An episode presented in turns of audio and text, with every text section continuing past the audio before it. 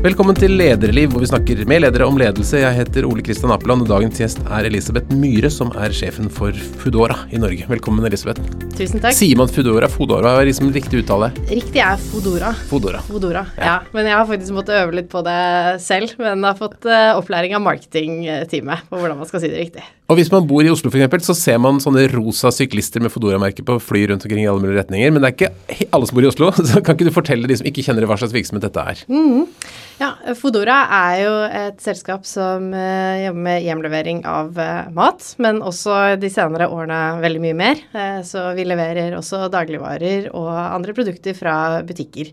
Det det egentlig handler om, er jo at Fodora er et selskap som skal gjøre livet til folk enklere. Vi skal levere det du trenger når du trenger det. Og det er når som er vår edge. Det er nemlig den hurtige leveringen. Og i snitt så gjør vi leveringer på rundt 30 minutter. På sykkel alltid, eller? Ikke alltid på sykkel, men vi prefererer sykkel der vi kan. I bykjernen så er det definitivt det som er det raskeste. Så, så det er, jobber vi mot, å ha flest mulig sykler. Men siden vi har utvidet såpass mye og er til stede i over 20 byer i hele landet, så det, har det vært helt nødvendig. Ja, for Jeg prøvde å lese meg hvor store det er, så leser jeg forskjellige steder, og så er det nye tall hele tiden. Hvor, hvor store er dere nå? Nå så har vi rundt 4500 bud. I, ja, jeg tror det er 25 byer nå. Vi åpner Det er sånn tror fordi det går så fort. 25 byer rundt omkring i landet. Og vi er rundt 500 kontor- og butikkansatte, da. Må begynne å ta med Fodora Market, som er den nye dagligvaresatsingen vår. Så det begynner å bli en del mennesker. Og det er svær virksomhet. På, ja, det er det. Og det er et ganske annet bilde enn det det bare var for et par år siden. Når, når, når, startet det i Norge?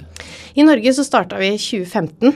Så da var det jo en veldig liten startup. Det var to mennesker. Det var et lite kvartal på Grünerløkka. Det var én restaurant som man da hadde tilknyttet seg. Så én sykla, og én tok imot bestillingene. Og ting var ikke Det var en fin frontend, altså ut mot kunden, men alt bak skjedde veldig manuelt. Og siden da så har det jo egentlig gått slag i slag. Man utvidet, man startet i Oslo, og så tok man de store byene Bergen, Trondheim, Stavanger. Og så i 2019 så var det et taktskifte. Da utvidet man til ti nye byer, så Fredrikstad, Lillestrøm, altså tok en del eh, Tromsø, en del flere byer. Og det har vi fortsatt med, den geografiske ekspansjonen de siste årene. I tillegg til da at man har lagt til nye eh, vertikaler, da. Hvem er det som står bak dette? Det er et selskap som heter Delivery Hero. Så vi er eid av et tysk selskap som er børsnotert i Tyskland, og det er et av verdens ledende største hurtighandelsselskaper. Mm. Og så skjønner du, det, det er jo en krig, for dere er jo ikke alene på dette markedet. Det er flere aktører i forskjellige farger, og så er det Skipsted der inne med morgenlevering og masse forskjellig. Hva, hva er liksom driverne for denne voldsomme fokusen på hjemlevering? Det er jo en trend vi ser i markedet. Det er jo det kundene vil ha. Forbrukerne vil ha. Folk orker ikke gå ut. De vil ikke vente. Nei, og vi ser det. Og det her er jo det som er spennende med Fodora. For vi har jo startet med altså Kjernen vår er jo eh, matlevering altså fra restauranter. Mm. Eh, og det er jo der vi kommer fra. Og det er jo mange som spør ja, men herregud, går ikke folk og kjøper maten sin selv? Eller går til restauranten selv? Nei, vi vet det. Vi har masse data på at folk bestiller mat selv om restauranten ligger 50 meter unna inngangsdøren deres. Folk elsker convenience. Og vi ser jo det nå, at pandemien har jo bare gjort at dette har skutt skikkelig fart. Men det er ikke bare restaurantmat folk vil ha levert hjem på kort tid. Det er dagligvarer, men det er også andre produkter. Og det er der vi står nå den, på den reisen, at vi har jo kjernen vår fortsatt, som, som, vi satser tungt på, men også disse nye vertikalene. For vi har et nettverk av disse 4500 flotte budene som kan levere raskt. Det trenger ikke å bare være restaurantmat, så nå kan vi adde på nye ting. Og da blir det bare enda mer effektivt. Så hva slags ting leverer du nå i tillegg til mat? Nei, så Vi har jo da denne dagligvaresatsingen vår, Fodora Market. Så vi har ti butikker i de største byene i hele landet. Så det er jo dagligvarer på veldig kort tid. 2500 varelinjer i sortimentet. Så det begynner å bli en ganske full-fledged dagligvarebutikk. Og så har vi i tillegg vanlige butikker. Vi har nettopp inngått et større samarbeid med Reitan Convenience, og det har 7-Eleven og Narvesen og den gjengen der. Det er blomsterbutikker, det er elektronikk, det er helsekost. Og her er vi jo helt i startgropa. Så det vi skal gjøre nå, er jo det samme som vi gjorde på restaurantmat. Der hvor vi, vi Fodora skapte jo dette markedet i stor grad i Norge, det med hjemlevering bestilling av restaurantmat såpass fort. Nå gjør vi det samme med butikker. Og det stopper ikke der, altså med at vi Du kan gå inn på appen vår da, og, og finne alle disse butikkene. Nå går vi også inn eh, i Logistics as a Service, som det heter, da. Der hvor vi virkelig ønsker å etablere oss som et hurtighandelsselskap og blir et alternativ i utsjekken til nettbutikker. Mm. Det, blir, det, er på en måte en konkurrent til eh, Posten, bare at det også bare, bare går mye, mye fortere? Mm. Så det er jo Altså, vi tror jo at det er tiden da der hvor man ventet i flere dager på å få noe levert hjem, den, den er snart forbi. Mm. Folk forventer å få det raskt. Og et selskap som oss, som har den infrastrukturen som vi har, kan levere på bare en halvtime. Hvordan er vi i Norge i forhold til resten av verden? Vi ligger faktisk litt bak. Okay. Eh, så, så, selv om eh, Norge og nordmenn er jo veldig vant til å, å, med netthandel, alle har en smarttelefon, god internettdekning osv., så, videre, og så, videre, så ligger, ligger vi litt bak akkurat når det kommer til hurtighandel. Så, og det gjelder både eh, bestilling av restaurantmat hjem, der eh, er det fortsatt masse å gå på, masse potensial i Norge, men også dagligvarer levert på kort tid. Det er et helt nytt konsept. Det er jo vi som etablerte det nå eh, i Norge. Og eh, også da i utsjekken å kunne velge noe, og shit, jeg kan få det på døren på så kort tid. Så selv om vi er langt fremme på mange områder, så ligger vi faktisk bak eh, på akkurat hurtighandel. Hvem er det som betaler for moro? Er det både jeg, sluttbrukeren og den som selger? Mm. Så det er en kombinasjon, og der gjør vi jo veldig mange tester for å finne riktig prising. Men det er klart det at eh, for å få noe levert såpass raskt, i hvert fall på nåværende tidspunkt, så koster det litt mer enn om du skal få det på to-tre dager. Men det her er jo noe som forbrukeren også er vant til. Du kan jo velge å få noe Jeg kan få det om en måned, greit, da betaler du gratis ingenting. Får du det neste dag, så koster det litt mer, og så er det en gradering på det. Men den eh, endelige modellen for hvordan dette kommer til å funke, det har vi ikke satt helt ennå. Hva er det, mest populære? Hva selges det mest av? Uh, på Foodora Market bananer. Mm. Pepsi Max går det også, også, veldig mye av. Av andre kategorier så er det fortsatt altså de convenience-varene, kioskvarer, smågodt og sånn, som det går mye av. Og det er jo det vi ser. At vi, vi startet faktisk i 2020 allerede. Eh, juni 2020 var da vi lanserte den her butikkleveringen i appen vår. Men det var ikke sånn at det tok av over natta. Og det var da vi innså at her trenger vi faktisk å gjøre en jobb da med å, å utdanne forbrukeren på å fortelle dem at dette her kan de få. Og den, der er vi fortsatt helt i, i, startgropen. Og derfor også så var det viktig å gå inn på dagligvare, som er såpass høyfrekvens, for å vise den delen av appen, den delen av Fodora, at vi leverer mer enn restaurantmat. Og så sakte, men sikkert eh, gå videre til andre, andre vertikaler. Tro, har stor tro på elektronikk, på jernvare og den type ting. Så mm, folk må bare få øynene opp for det se at dette her er mulig, så skal de ikke vente nå i flere dager på å få iPhonen sin sendt hjem. Den kan de få på en halvtime når du først har bestemt deg. Men i og med at du baserer deg på sykkel, så bør det være folk som bor i by, da? Altså, Det må jo være innenfor de områdene vi leverer. Eh, men sykkel er ingen begrensning, for vi har jo biler også. Og det er jo fantastisk med teknologien, som nå klarer å kalibrere vekt og størrelse. Så hvis vi ser at vi får en bestilling som er større enn at en sykkel klarer å ta den, så blir den automatisk eh, allokert til en bilist. Kult. Så, Men ja. altså, hvor finner man 4500 bud? Nei, det, Hvordan er det klart det? Er, det er et godt spørsmål. Nei, det, altså budbasen vår er veldig allsidig. Det er eh, mennesker i alle forskjellige aldre med uh, forskjellige bakgrunner uh, osv. Det, det som er fellesnevneren her, er at det er mennesker som er på jakt etter en deltidsjobb, mm. og uh, som er veldig glad i, i fleksibilitet. Ja. Og de fins det mange av, uh, som trenger en midlertidig ekstra penger mm. Osv. Og, så og de de kan knytte seg til oss på en veldig enkel måte. Så det har vært tider det har vært krevende faktisk å finne så mange bud som vi faktisk eh, trenger. Det er spesielt vanskelig om vinteren, for da er det litt mindre fristende ja, å være bud. Eh, så vi fikk faktisk føle på det ganske mye i vinter. November og desember spesielt, og til dels januar, hvor eh, vi hadde for få bud. Eh, og det har jo ringvirkninger for hele selskapet, hele driften. Det blir lengre leveringstider, eh, det blir dårligere kundeopplevelser. Heldigvis så, så har det snudd, og det er jo Vi har gjort oss masse læringer og erfaringer fra den perioden vi har vært igjennom nå så vi ikke skal havne der eh, igjen. Og det, må jo være, det er jo en kjempejobb, så vi må jo bare vise hvor attraktivt det er å være bud. Jeg har selv gjort det mange ganger og fortsetter å gjøre det. Det er jo så deilig å være ute på den sykkelen. Og har man rett klær, til og med når det er eh, skikkelig dårlig vær. Men uh, er dette en jobb som folk blir i lenge? Nei, det er det ikke. Så i snitt rett over et år. Ja. Så det er typisk studenter har det som en deltidsjobb eller mellom jobber eller en periode hvor man trenger litt ekstra inntekt. Så det er naturen av denne jobben. Mm. Uh, og det er, jo, uh, det er jo noe som vi også prøver å fortelle til også politikere og andre som nå Det er jo mye potensiell regulering av, uh, av markedet som skjer. Mm. Og da er det veldig viktig at de forstår hvem det er som er bud. Hva som er viktig for dem. Og det er det som burde være førende når man skal regulere dette. Det minner jo litt, altså, uh, Rekrutteringen minner jo litt om salget. Det er, det er, noen som vil ha noe her og nå som er enkelt og greit. Det mm. samme med jobben. De som vil ha en jobb ja. her og nå som er enkelt og greit. De går til dere. Faktisk. Ja. Så det gjelder jo å lage de barrierene så, så lave som, som, mulig, siden vi har muligheten til det. Siden det er en sånn jobb som, som ikke trenger å, å, være så komplisert å komme inn i. Litt om deg og hvordan du havna her. Altså, du, du, jeg regner med at du ikke vokste opp med en drøm om å bli Foodora-sjef, for det fantes jo ikke da du var liten. Hva, det, hvor lenge liksom, har du sett for deg at du skulle bli en leder? Det har vel kommet litt sakte, men sikkert. Eh, men eh, det begynte nok for alvor da jeg var i Forsvaret. Eh, så jeg tok den beslutningen etter videregående at jeg skulle prøve meg på det. Faren min er yrkesoffiser, så det kom nok litt derfra.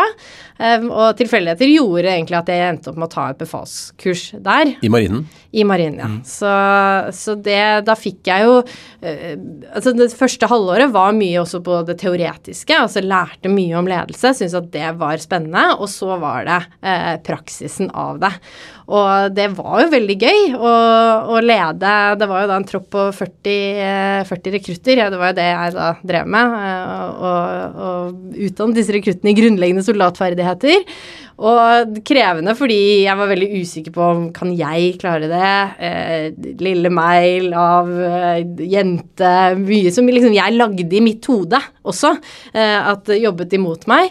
Selv om jeg opplevde ikke det i det hele tatt. Jeg opplevde faktisk at dette her mestret jeg jo. Det var ingen som brydde seg om jeg var jente, eller at jeg ikke var så høy, eller at ikke stemmen min var mørk, eller det var jo sånne ting som jeg lagde selv. Det her handlet jo bare om at jeg måtte være dyktig og god i det jeg gjorde.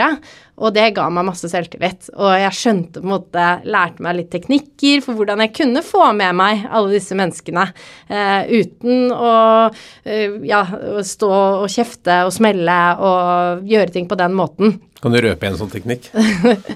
Oi, det, var, det, er et godt spørsmål. Nei, men en teknikk det jeg hadde i bånn, var veldig at jeg må kunne disse tingene som jeg skal fortelle om, og lære dem opp i. Eh, så det, handlet, det er ikke så farlig at ikke jeg tok flest, eh, flest pushups. De fikk respekt for meg fordi jeg var flink. Jeg klarte å skru sammen og sette sammen igjen det våpenet på kortest tid. Eh, jeg hadde stålkontroll på alle de tingene, og da fikk jeg, fikk jeg respekt. Hva var beste minnet ditt fra tiden som troppssjef eller troppsbefal? Eh, jeg Åh, det er masse, masse gode, gode minner. Men jeg husker spesielt eh, når vi var på en øvelse Det var jo da vi var i, under befalsutdannelsen, var på en øvelse, det var en sånn eh, tidagers øvelse, og så hadde det vært en sånn helvetesmarsj der hvor du bare går og går og går, og du får aldri vite når den, når den slutter. Eh, da fikk jeg en litt selvtillitsboost, fordi jeg så, jeg så jo at eh, veldig mange av de store, sterke gutta, de begynte jo å miste motet etter hvert. Eh, og alle var jo slitne og trøtte, men det, da skjønte jeg hvor mye som, som satt i hodet. Eh, så, og da, det ga meg en ny boost til, at, til å bare fortsette, og, og det syns jeg var veldig gøy. Altså, jeg fikk en sånn aha-opplevelse, eh, hvor mye som sitter i hodet. En annen ting som er et godt minne, var mye av det vi lærte om gruppe eller hvordan vi fungerte som en gruppe. Altså hvor viktig det var at Altså, vi var ikke sterkere enn det svakeste leddet på, i, den, i, den, gruppa. Uh, og hvor, mye, hvor viktig det er med å ha tillit til hverandre. At alle gjør den oppgaven som de skal gjøre. Og det er noe som jeg også har tatt med meg videre. For det gjelder ikke bare i Forsvaret, det gjelder også nå, da, i min ledergruppe f.eks.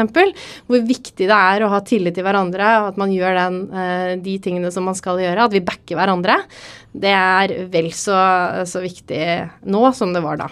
Hva er det, du, hva er det som funka i Forsvaret som ikke funker i bedriften, da? Eh, ho, det er jo et, De strenge ordrene, kanskje? Ja, det er jo veldig sånn eh, Noen ting i Forsvaret er jo veldig firkanta. Eh, og én ting som var litt vanskelig for meg, utfordrende for meg i Forsvaret, var jo den at jeg ikke forsto alltid hvorfor jeg skulle gjøre noe. Hvorfor er det så viktig at denne sengen ikke har en liten uh, flik Altså, den er helt stram. Hvorfor er det så viktig? Men det var ikke de så opptatt av. Altså, du skal bare gjøre det. Det funker jo ikke nå. Det funker ikke i dagens uh, hverdag. Altså, hvis du skal få folk til å gjøre noe uten å fortelle dem hvorfor de skal gjøre det, så blir jo folk uh, fort veldig demotiverte. Jeg blir det jo selv. Jeg ble jo det da, til tider også. Uh, og, så det er jo også noe som jeg har tatt med meg, viktigheten av det for å få med seg folk, og for å holde på motivasjonen, og få folk til å gjøre eller bevege seg i retningen som man ønsker at de skal bevege seg i, så er det viktig at de er med på hvorfor.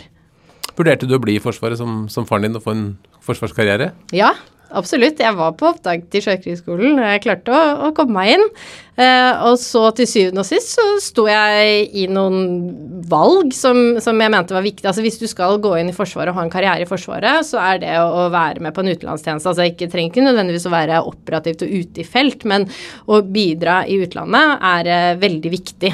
Og det tror jeg man må være klar over når man går inn og så tar det karrierevalget, og det var ikke jeg klar for eh, på, det, på det tidspunktet. Så da ble det Handelshøyskolen eh, i stedet. Mm. Og hvorfor akkurat Handelshøyskolen? Jeg eh,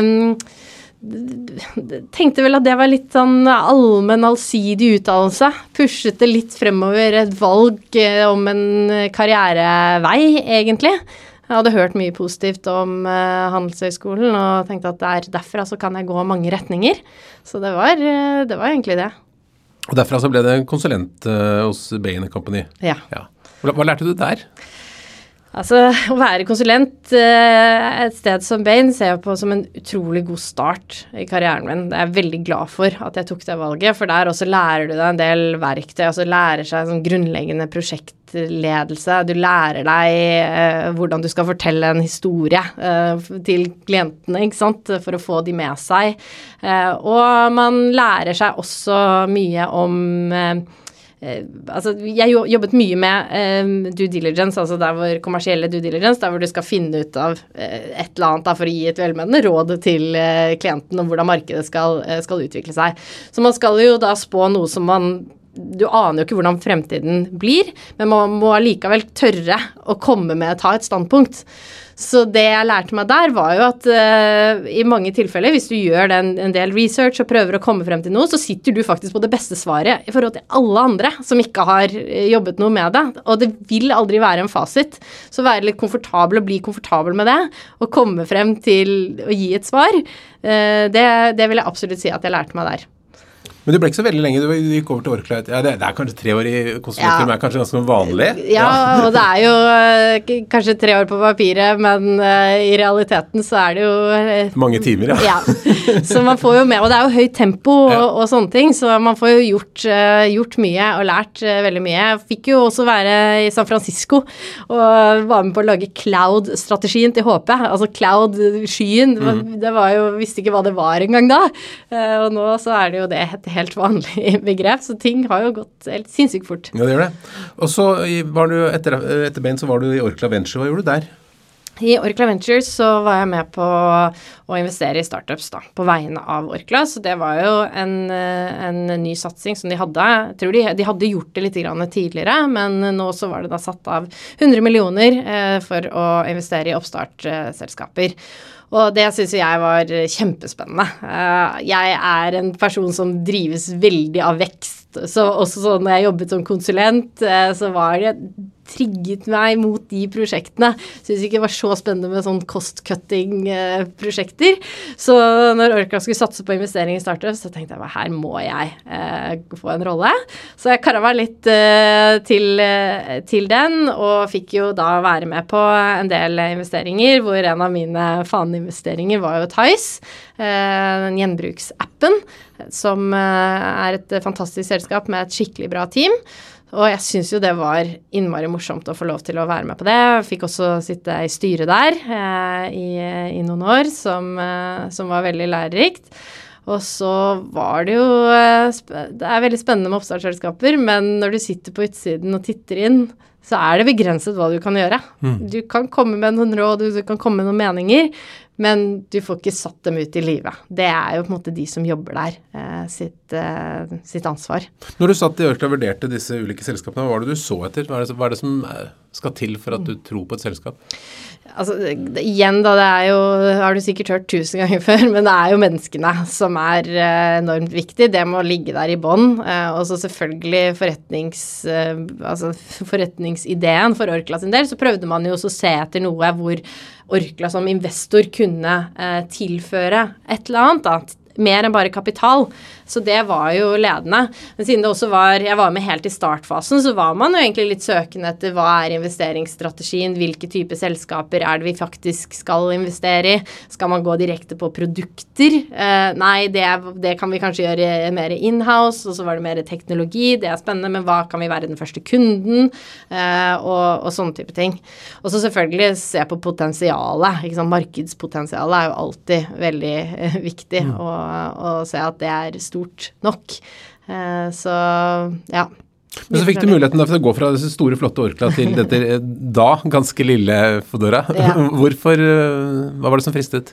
Nei, det var jo den der Altså, jeg fikk jo titte inn i disse startupene, da, fra, fra stillingen i Orkla Ventures. Og her så så jeg på en mulighet til å få skikkelig operasjonell erfaring, noe som jeg ikke hadde ikke som konsulent, og ikke fra Orkla heller. Så da tenkte jeg nei, denne muligheten kan jeg ikke, kan jeg ikke gå glipp av. Og så husker jeg veldig godt at uh, jeg var jo ikke aktivt på leten etter en ny jobb, eh, men syntes dette var spennende. Jeg husker da jeg bodde i, San Francisco, så bestilte jeg jo mat hjem, eh, og det var jo helt vanlig der. Men da jeg dro fra Norge, så fantes det ikke noe sånn eh, i Norge som jeg visste om. Og så husker jeg kom hjem, og da var Fodora der, og så var, jeg var nok en av de første kundene. Så jeg hadde en liten sånn forkjærlighet for det selskapet fra før av. Og så i intervjuprosessen så ble jeg jo tatt med til kontoret. Og så var det sånn Oi, de har et kontor. Altså det var så mye ved Fodora som jeg aldri hadde tenkt på. Altså bare som kunde så forholder du deg bare til det budet øh, og den appen. Øh, og så skjønte jeg at det her er så innmari mye mer, da. En enormt spennende teknologi, masse mennesker. Altså det er ikke Ja, det er en app, men det er veldig mye mer. Så det trigget meg veldig til å, å bare Nei, nå, nå, gjør jeg det. Jeg hopper inn, i, hopper inn i denne rollen. Men litt skummelt det å skulle lede et selskap? Kjempeskummelt. Kjempeskummelt på mange, mange måter. Eh, inn i en ny bransje. Jeg hadde jo litt ledererfaring fra tidligere, men ikke på det, det nivået. Nå var det et litt annet selskap da jeg tok over. Da var det ca. 50 personer som jobbet i kontorstillinger og rundt 800 bud. Men allikevel, det var jo føltes stort. Ja, absolutt. Um, så det var, det var veldig skummelt, men det var også eh, masse flinke folk. Det er jo trygghet i seg selv. Uh, og så tror jeg noen ganger så må man skalere ned ting eh, litt. Grann. Og når man er en leder av et selskap, så ja, selvfølgelig, du har jo et stort ansvar og et ansvar for hele selskapet, men du har jo også dine oppgaver. Og det er jo veldig knyttet til de som du direkte leder, eh, og få de til å prestere og, og gjøre jobben sin på en god måte. Eh, så ta det litt ned hjalp meg, eh, hjalp meg lite grann. Men hva er bestillingen fra eierne til deg? Hva er det du skal gjøre med selskapet? Nei, så Det har jo forandret seg litt. Da. Altså, da jeg tok over, så var det jo vekst, vekst, vekst. Det var det eneste som var på, på agendaen. Og så vet jo de fra andre markeder eh, hvordan, eh, eller hva som skal til eh, for å få lønnsomhet. Men en ting som helt klart er viktig, er å få opp volumet. Så det er Det var på en måte hoved, hovedbestillingen. Og så kom jo pandemien relativt raskt. Var, jeg hadde bare sittet i denne rollen i sånn ca. fem måneder. Og så traff pandemien, og da Altså Når du snakker om denne hockeystikken da, som du kan se eh, Fra og med da så ble det jo et skikkelig knekkpunkt for For det var egentlig en gavepakke til dere? Ja, det var jo på en måte det. Eh, fordi det, det, en, et selskap som oss, som leverer eh, ting hjem eh, på den måten, ble jo veldig etterspurt. Altså, dette er jo en trend som var der fra før av, at folk eh, blir mer og mer villige til å betale for convenience. De vil ha ting mye mer lettvint, og de vil ha ting levert hjem. Men pandemien bare satte skikkelig, skikkelig fart på endringen av disse forbrukervanene. Og da sto jo vi virkelig midt i det. Og vi er jo også en selskap og en bedrift som kan skalere opp veldig fort. Fordi som vi snakket om i starten, det med å få på bud, eh, det er, eh, det er ikke så krevende. Altså det går veldig raskt. Det er lette prosesser. Så sånn sett så klarte vi å ta unna etterspørselen. Eh, men kontordelen henger jo bak. Der, Å rekruttere til den til roller der, det går jo ikke like fort. Eh, men det var jo et bevisst valg som vi gjorde der og da, at nå er det viktig å, å møte denne etterspørselen. Både for å, og også kunne utnytte momentum i markedet og ta en posisjon. Um, men, men, det her med å være first mover også er uh, viktig i vår, i vår, bransje. Og da, da det, er en, det, er en, sånn teori eller et begrep som heter blitzscaling. Um, og da det er egentlig en bevisst strategi der hvor man kjører på med vekst, men det går på bekostning av effektivitet og struktur, og også til dels kultur. Heldigvis så er kulturen, eller var kulturen i Fodora veldig sterk, så vi klarte å, å komme oss igjennom det, eh, selv om vi ikke hadde tid til å fokusere så mye på det. Men det er klart nå, når vi kommer ut av det, så må vi eh, jobbe mye mer med kulturen. Vi må jobbe med å effektivisere og få på plass struktur og prosesser. Men utfordringen er vel å få noe lønnsomhet når du har så mye vekst? Ja, det er jo det. Og det er jo sånn den perioden som vi har vært igjennom med å åpne masse nye byer, der hvor du da starter fra scratch, du skal utdanne forbrukerne igjen på hva er dette her for noe, og gjøre det gang på gang. Altså de som kommer etter, har jo en fordel av at vi allerede har vært der og gjort den jobben, så de trenger bare å si hei, nå er vi her også. Eh, som selvfølgelig er det, er det, det er jo ikke bare bare det heller, men det er en litt annen reise. Og så satser vi på dagligvare, eh, som heller ikke er, er gratis. Men det som ligger i bånn her, er jo en tro fra Deliverero morselskapet, på å investere i Norge. Ser masse potensial her, og den lønnsomheten kommer til å komme. Alt handler om denne enhetsøkonomien, og den, den vet vi jo at er i pluss. Så det handler om å få opp volumet. Men det er vel en krig? Det er litt for mange aktører, er det ikke? Nå, nå var det noen dansker som trakk seg ja. for litt siden. Men er det fortsatt litt noen som bør bort, kanskje? Nei, det Nei. er ikke det. Eh, fordi altså, av alle de markedene som Deliveroo er i, da, så er Norge et av de minst kompetitive markedene. Og det vi opplever, er at vi gjerne vokser markedet sammen, fordi vi er flere aktører som snakker om de samme budskapene, eh, om at du kan få ting levert hjem raskt. Og det vi jobber mot, er jo at dette skal bli en del av hverdagen til folk. Så eh, jeg vil si at den fasen som det norske markedet er i nå, hvor markedet i seg selv vokser Her handler det ikke om å ta markedsandeler fra hverandre, her handler det om å vokse et marked. Da er det faktisk positivt at det er flere aktører. At ikke vi står, eh, står alene. Hvordan jobber du med markedsføring og kommunikasjon for å få flere folk til å handle på denne måten? Det er jo eh, satt i nettopp i et møte da vi skulle diskutere Q2 og hvordan vi skal, vi skal, gjøre det. Det er litt forskjellige taktikker som man kan bruke, og det er jo sånn i klassisk markedsføring. Du har den de mer langsiktige tiltakene, der hvor du bygger eh, awarenessen og bygger brandet. Og så har du jo et selskap sånn som oss, der hvor du egentlig også kan kjøpe. Du kan kjøpe deg kunder. Eh, det handler jo om å gi dem rabatter, gi dem en, en grunn til å prøve. Eh, gratis levering og sånne type ting. Det er mange forskjellige tiltak som, eh, som man kan gjøre for å få nye kunder. Men igjen, da, det viktigste er at vi må levere på det vi sier at vi skal gjøre. Vi skal levere eh, restaurantmat, dagligvarer, andre produkter på den tiden raskt eh, og være pålitelige. Og da, eh, da, vil kundene komme til oss og foretrekke oss. Da du kom inn som administrerende, hadde du noen klare tanker om hvordan du ville oppleves som leder?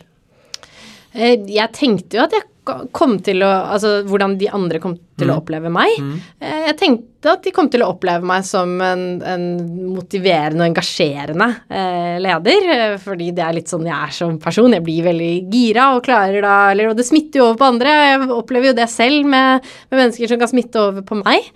Eh, en, en, annen ting som jeg tror de har opplevd, er at det er en åpen leder. Eh, det har vært veldig viktig for meg å være åpen eh, om så mye som mulig. og få med meg hele bedriften på det vi skal. Og det var en læring Jeg husker ikke hvor jeg plukket opp. Jeg tror jeg leste et sted eller jeg hørte på en podkast eller et eller annet. Og det bet jeg meg så innmari merke i. at det er så lite i en bedrift som egentlig er konfidensielt. Men at det ofte skapes veldig mye konfidensialitet overalt. Altså, og en usikkerhet. Dette kan man ikke snakke om, dette kan vi ikke si. Eh, og hei.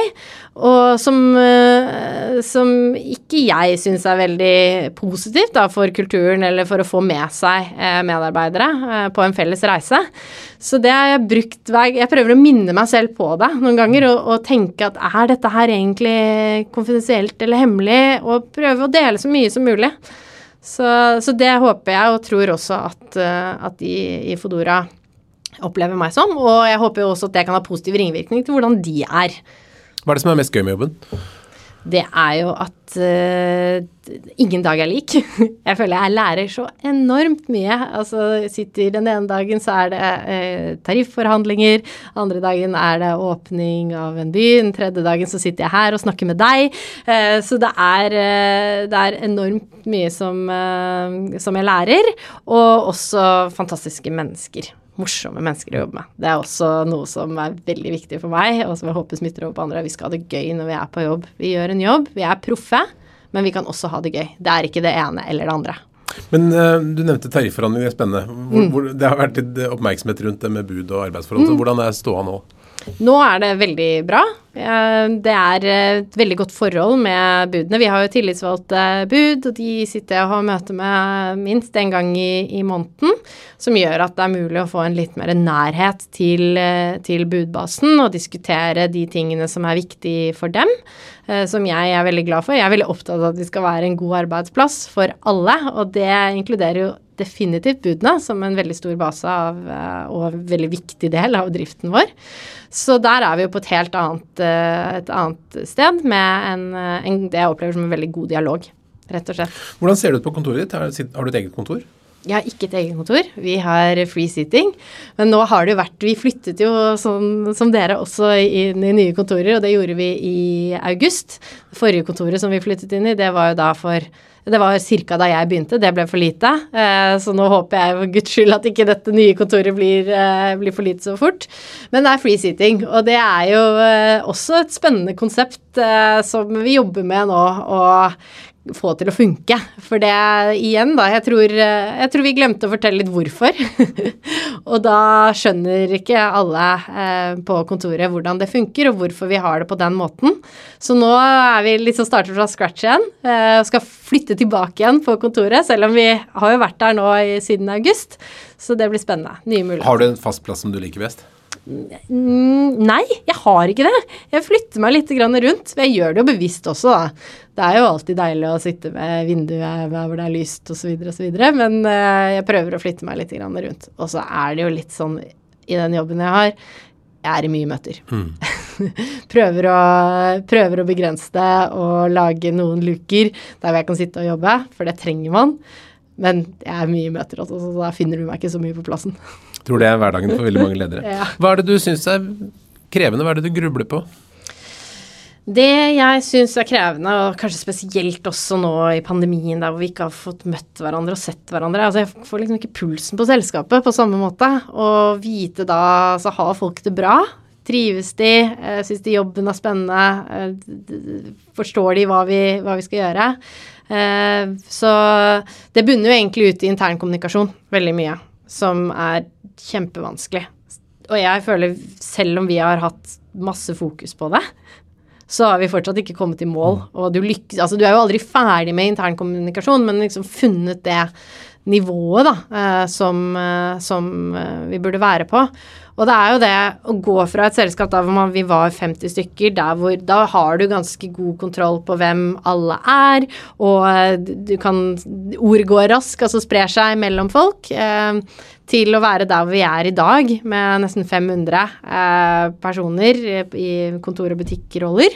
Eh, så er det vanskeligere, og veldig mange nye da, gjennom pandemien som ikke har sett. Så du kommer tilbake igjen på kontoret og kjenner ikke igjen Eh, de som er der. Og det er klart at det kan skape litt usikkerhet. Men det har vært veldig deilig å komme tilbake på kontoret, for da ser bare det å se mennesker inn i øynene, se at de, de, har det bra. Og så gjelder det jo da å sørge for å få med alle, og det er den som da også er litt sånn bekymringen. Er alle med? Hvordan jobber du med internkommunikasjon? Nei, vi, altså, det er jo eh, mange, mange, forskjellige tiltak da, som vi har gjort. Vi har jo en ukentlig sånn, slags mini all hands, da, der vi går gjennom eh, de overordnede resultatene fra forrige uke, tar opp liksom stort og smått, eh, og, og, har også en liten Kahoot hver, hver, uke. Så det er jo frivillig for folk å være med på hvis de har lyst til å sette av tid til det. Eh, vi har Snakker du nå om stasjonene eller budene? For budene er kanskje det er administrasjonen, ja. Mm. ja. Eh, og så har vi um, nyhetsbrev, eh, og så har vi også um, ja, sånne formelle all hands, og så har vi en Slack-kanal der vi oppdaterer hverandre. Så det er Og så skal vi nå endelig lansere et intranett. Det også gleder jeg meg veldig til, der man kan finne alt, for det har vært litt sånn spredd, spredd overalt.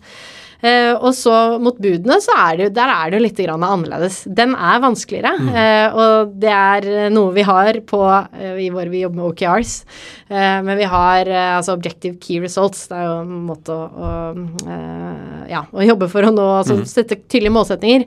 Og noe av det vi har på programmet der, er jo kommunikasjon med bud. Og der samarbeider vi også med de tillitsvalgte, som kan gi oss ganske mye input. Men det er hele livssyklusen til, til bud. Det er klart, ikke sant, de er et bud er der i, i, litt over ett år. Og det er veldig varierende også hvor mye de ønsker å bli kommunisert med. Så å finne den balansen eh, som passer alle, den er ikke helt, helt rett frem. Men det som er viktig, er jo at de vet at vi tenker på dem. For det er jo det som kanskje forsvinner noen ganger, at de, de ikke tror det. Men det er jo en veldig stor del av hverdagen vår. Du sier jo ikke okay, du har mål. Hva er de viktigste målene du følger med på? Altså, vi har jo eh, selvfølgelig mål på antall, eh, antall, bestillinger, det er jo fortsatt veldig viktig. Eh, men nå dette halvåret her, så er det jo mye på, også på Foodora Market, den dagligvaresatsingen vår, å få det opp og fly. Det er mye som går på prosessene våre. Altså det er litt mindre faktisk konkrete mål. Det som er viktig i det rammeverket, er jo at det skal være ganske konkret, men mm. vi har faktisk sett et behov for nå at vi må Det blir mer sånn denne prosessen må forbedres. Dette dette området må effektiviseres. Så det blir mer ja-nei eh, på om man, eh, om man, gjør det. Um, så det handler jo mye om, om forholdet til budene våre, forholdet også til restaurantpartnere og butikkpartnere. Uh, og så har vi også mål rundt disse nye satsingene våre da, som krever, krever oppmerksomhet. Men nå som du har blitt så mange steder, betyr det at du må reise mye rundt? Jeg er, eh, altså Pga. pandemien så har jeg reist veldig lite. men jeg tror jeg må begynne å ta opp den, eh, den reisevirksomheten min litt. Grann. Vi har ikke vært og besøkt alle steder enda. Det har jeg ikke. Vi har jo hovedkontoret vårt i, mm, i Oslo, men vi har jo satellittkontorer i Stavanger, Bergen og Trondheim. Eh, og Tromsø. Så det begynner jo å bli mennesker som sitter litt rundt omkring, og ikke minst da for å møte bud Eh, og møte restaurant mm. og butikker. Hvor, stor del av befolkningen ser du for deg at du kan dekke etter hvert? Jeg tror jo at eh, Å, det var et veldig godt spørsmål. Det tallet har vi jo. Men altså, nå begynner vi jo å nå Altså, vi dekker jo de største byene. Men det begynner også å nå en nedre grense eh, for hvor, lav, hvor, lavt kan vi gå. Mm. Eh, nå er vi vel nede i byer på størrelse rundt 30 000 innbyggere. Eh, og det er en viss kritisk masse som man må ha. Så det kommer nok ikke til å være samme takt på den geografiske eh, ekspansjonen. Men det vi ser, er at vi kan ekspandere geografisk, altså i størrelsen på områdene våre. Som Oslo, så startet vi jo bare med et lite leveringsområde. Nå er vi jo langt vest og langt øst og langt sør. Eh, og her er det jo masse mennesker. Eh, så vi dekker jo en stor del av befolkningen uten at jeg har akkurat tallet. De mest lojale kundene, hvor ofte bruker de dere? Det er gjerne ti-elleve ja, ganger i, i, måneden. Wow. Mm. Det er mye. Så ja, det er jo Og det er jo Når du kan få så mye, da, på plattformen Du kan også Altså, du får restaurantmat, men du får også dagligvarer. Og du kan Hvis Du er på jobb og bestiller lunsjen din. Altså, så er det Det er ganske mange use cases eh, for, eh, for Fodora. Mm. Hva ser du for deg blir de største liksom, utfordringene dine som du kommer til å bruke mesteparten av tiden din på i årene som kommer? Nei, nå så er det er det, det her at vi, vi, går inn i en ny fase. Der hvor det har vært en fase med veldig mye fokus på denne veksten. Og nå så skal vi fortsette å vokse, men vi må tenke mer lønnsomhet. Eh, og det er jo en skift i mindset, i mindsetet mitt, eh, og det er jo i mindsetet til ledergruppen og til resten av selskapet. Så nå må vi igjen da passe på å kommunisere hvorfor vi gjør ting. For vi har jo begynt å iverksette en del tiltak, men det er viktig å få med seg hele bedriften på det. Og effektivisere. Og nå, vi har jo vært da gjennom denne fasen der hvor vi, det har vært lengre ned på prioriteringslisten. Å skape gode prosesser, effektive prosesser osv. Eh, vi har heller bare ansatt flere folk. Nå skal vi eh, få mer ut av det, det, som vi har der. Så det er et stort, eh, et stort, fokus fremover. Samtidig som du da har disse delene av virksomheten som fortsatt har vekst som mm. topp, topp, topp prio. F.eks. Foodora Market, da dagligvaresatsingen der er det litt andre premisser. Så det blir jo interessant Vi er jo fortsatt ett selskap. Hvordan du skal på en måte klare å ha den balansen i selskapet da, med at du har en del som eh, kanskje har litt mindre, mindre, strenge krav på seg når det kommer til lønnsomhet og skal tenke vekst, mens du har en del, annen del av selskapet som må tenke mer lønnsomhet. Er det noen opplevelser du har hatt i disse få årene som Fodora-sjef som har påvirket ditt syn på ledelse? Noe du har lært spesielt mye av? Eh, det, er, det var en opplevelse som jeg hadde ganske tidlig. Eh, og det handler jo mye om hvor synlig man er da, som leder. Eh, det er ikke så ofte jeg tenker eller reflekterer over den rollen jeg Jeg vet jo at jeg har den rollen jeg har, eh, men i hvert fall da jeg begynte, så skjønte jeg ikke helt hvor mange øyne som var på meg og fulgte med på det jeg sa, og hvor viktig det var at det jeg sa og gjorde, eh, var gjennomtenkt, da. Jeg husker en av de første allhandsene som jeg hadde, da. Da, da tenkte jeg jo at her, nå har vi vært gjennom denne startup-fasen, nå må vi, vi, må begynne å bevege oss mot uh, å profesjonalisere, og da tenkte vi det, det var før pandemien traff, da, men også at vi skulle bli mer effektive og, og, og, den type ting. Og da sa jeg vel et eller annet at nå skal vi liksom, nå skal vi bevege oss fra å være en startup til å bli et, uh, et selskap. Ikke sant? Og så sa jeg, og det tenkte jeg at dette var jo kult at, å få være med på den reisen. Men de som satt og lyttet, de altså vi, vi, er jo egentlig alle motiverte av å jobbe i en startup, og det var jo jeg også. Jobbe i et selskap med høyt tempo, masse som skjer. Og det ble jo misforstått til at, at flere tenkte at nå skal vi bli en sånn kjedelig stor corporate. Det ville jo ikke. Så det ga meg en skikkelig sånn aha-opplevelse rundt hvordan da Det var jo ikke min intensjon å si det på den måten og skape, sette den stemningen og den rammen. Så det ga meg da ganske tidlig en liten aha-opplevelse på hvor bevisst man må være da, på, på de tingene som, som, man sier. Og det er ikke alltid folk kommer og spør deg heller etterpå. Hva mente du med det? Det er ikke det, så det plukket jeg, plukket jeg jo opp litt tilfeldig. Fikk retta opp i det. Har du blitt mer forsiktig? Jeg vil ikke si at jeg har blitt mer, ikke forsiktig, men jeg tenk, prøver i hvert fall å tenke mer igjennom uh, hva det er jeg sier. Og det, det, tenker jeg er viktig for alle ledere. at uh, den, og Der har jeg jo sittet selv når jeg har hatt ledere om at, at man plukker opp det de sier og begynner å eksekute på det. Så ikke bare være litt mer forsiktig med å kaste ut ting. Jeg er jo egentlig en person som tenker, nei, som sier ting før jeg tenker. Så da må jeg jo gå litt i meg selv, for det er ikke alltid det jeg sier er så gjennomtenkt at jeg vil at nå skal vi begynne å løpe i den retningen. Uh, så, så, det har jeg, eh, jeg har gjort med noen erfaringer uh, rundt. Har du blitt en bedre leder på disse årene? Ja, det vil jeg si. Eh, men det er jo Jeg tror det, man får jo mye erfaring. Eh, det gjør jo at man blir eh, Jeg håper jo, i hvert fall for min del, at jeg har blitt en bedre leder. Det jeg fortsatt syns er utfordrende, er jo dette rundt Altså det mange forventer av en leder, er jo tydelighet. ikke sant? Sett tydelighet og sett retning og sånne ting. Og det forventer jo jeg også av mine ledere. Men når man har et selskap som Fodora, der hvor ting går så fort, så har jeg opplevd at det også har vært vanskelig, da, å være eh, Altså, eller at det har backfired lite grann hvis man har vært altså satt for, for mange mål, eh, vært nesten for tydelig på strategien, så det har vært viktigere å ha liksom overordnede eh, mål, da, og la også organisasjonen forme seg litt, eh, sånn at det ikke blir for rigid. Så det, det har jeg lært.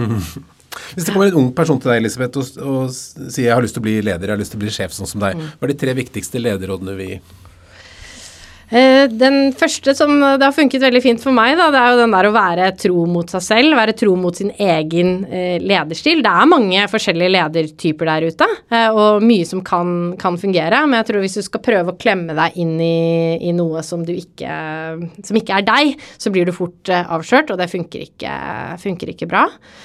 nummer to må jo være det å tørre å ta beslutninger eh, under, under, usikkerhet. Eh, og det er jo et råd sånn den, den dårligste som Eller den, den, beslutningen som aldri ble tatt, er den dårligste beslutningen som du kan ta. Eh, så den, eh, den, lever jeg eh, lever etter. Og så nummer tre, den Vær åpen og ærlig. da tror jeg du kommer veldig langt, altså. Hvis man, hvis man, klarer å ha det som en liksom ledestjerne i seg, så tror jeg det er noe som, eh, som mange setter pris på hos en elev. Takk for en prat med veldig mye god energi, Elisabeth Myhre, og lykke til videre med Fodora. Tusen hjertelig takk.